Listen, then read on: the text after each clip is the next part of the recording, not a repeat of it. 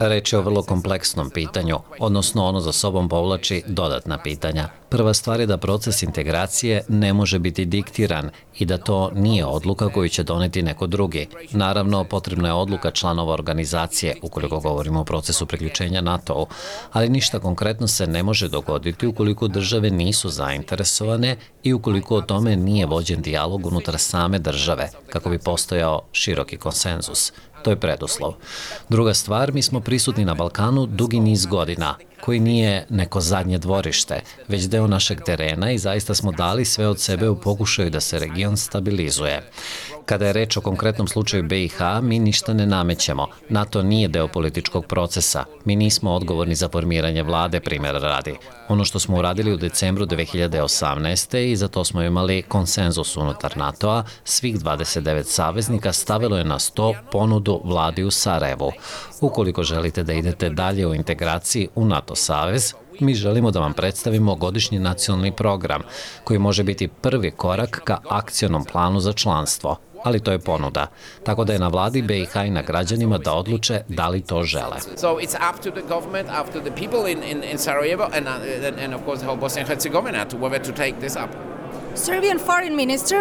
Ministar spoljnih poslova Srbije Ivice Dačić je izjavio da Srbija vidi vojsku Kosova kao jednu od najvećih pretnji za mir i stabilnost u regionu. Isto to su izjavili i predsjednik Srbije Aleksandar Vučić i ministar odbrane Aleksandar Vulin. Dačić je takođe izjavio da Srbija očekuje od NATO-a da radi svoj posao u skladu sa mandatom. Kakav je danas stav NATO-a po pitanju transformacije kosovskih snaga bezbednosti u vojsku Kosova? Zvaničnici NATO-a su izrazili zabrinutost tim povodom ranije. What are the NATO standings today?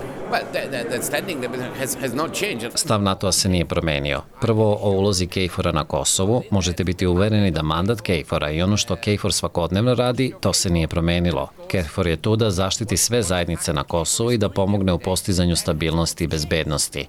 I drago nam je da KFOR uživa podršku i uvažavanje od strana svih zajednica, pa i naših partnera u Beogradu. Što se tiče odluke koju su donele vlasti Prištine, svoj stav smo izrazili više puta, uključujući generalnog sekretara NATO-a. Tačno je da saveznici preispituju svoj odnos sa kosovskim snagama bezbednosti, ali to svakako ne bi trebalo da dovede do spekulacije o budućnosti Kejfora, koji je postojan i prisudan već 20 godina. Niko ne bi trebalo da ima sumnje oko toga da saveznici snažno podržavaju mandat, operacije, mesto i ulogu Kejfora na Kosovu i Zapadnom Balkanu. Uh, operation of KFOR uh, in, uh, the role it plays in Kosovo and in region. What does NATO see? Šta NATO vidi kao najveću pretnju bezbednosti na Zapadnom Balkanu?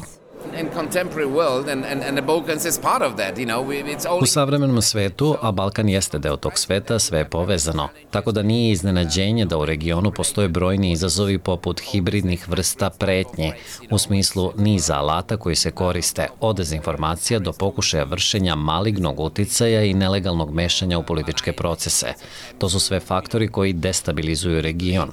To sve u kombinaciji sa pretnjama sa kojima se suočavaju drugi regioni i druge države države u Evropi, bilo da je reč o terorizmu ili efektima ilegalnih nekontrolisanih migracija.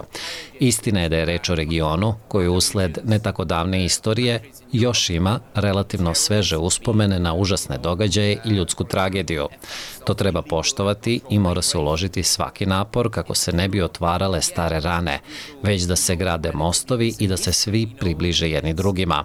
Zbog toga su dobrosusedski odnosi veoma važni. Zapadni Balkan nije toliko poseban slučaj. Radi se o mogućnostima i izazovima koji postoje na drugim mestima. Zbog toga su ključni međunarodna saradnja, visoki standardi, transparentnost, svi oni standardi koji nisu rezervisani samo za međunarodne organizacije, već za države koje to primenjuju u želju da se unaprede.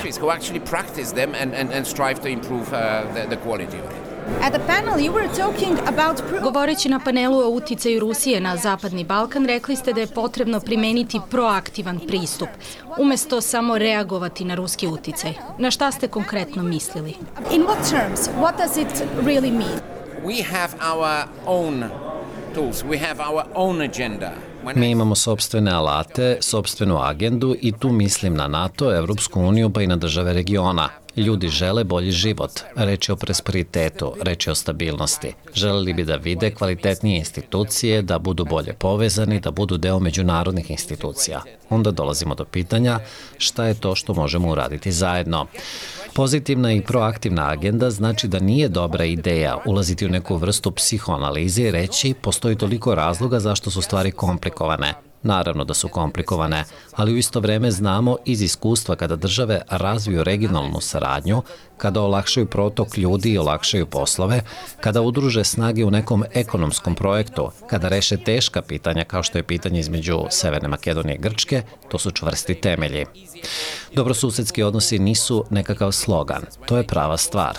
Reforme su dobre same po sebi, ne zato što dođe neko iz Brisela i kaže da su one dobre. Ukoliko to otežava posao svima onima s polja koji žele da ostvare negativan uticaj, da pokušaju da podmite, dezinformišu i tako primene loše standarde.